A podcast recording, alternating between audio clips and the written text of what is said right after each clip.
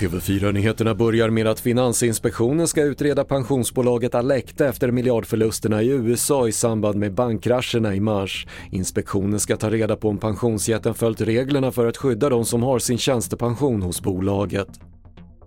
Volvo Cars skär ner med omkring 1300 tjänster i Sverige. Enligt biltillverkaren berörs 1100 tjänster vid Volvo personvagnar och resterande 200 inom olika områden runt om i Sverige men de anställda inom bilproduktionen kommer inte att beröras i det här skedet.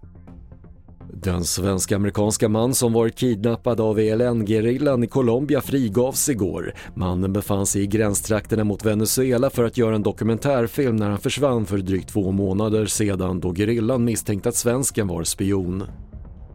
Och i norra Italien har två personer omkommit och flera saknas efter att kraftigt regn orsakat översvämningar och jordskred. Över 250 personer har evakuerats och armén har kallats in för att bistå räddningstjänsten i de drabbade områdena. Fler nyheter på TV4.se. Jag heter Patrik Lindström.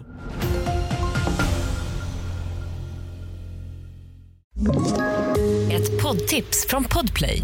I fallen jag aldrig glömmer djupdyker Hasse Aro i arbetet bakom några av Sveriges mest uppseendeväckande brottsutredningar. Går vi in med hemlig telefonavlyssning och, och då upplever vi att vi får en total förändring av hans beteende. Vad är det som händer nu? Vem är det som läcker?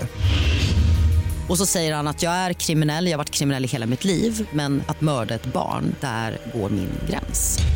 Nya säsongen av Fallen jag aldrig glömmer på Podplay.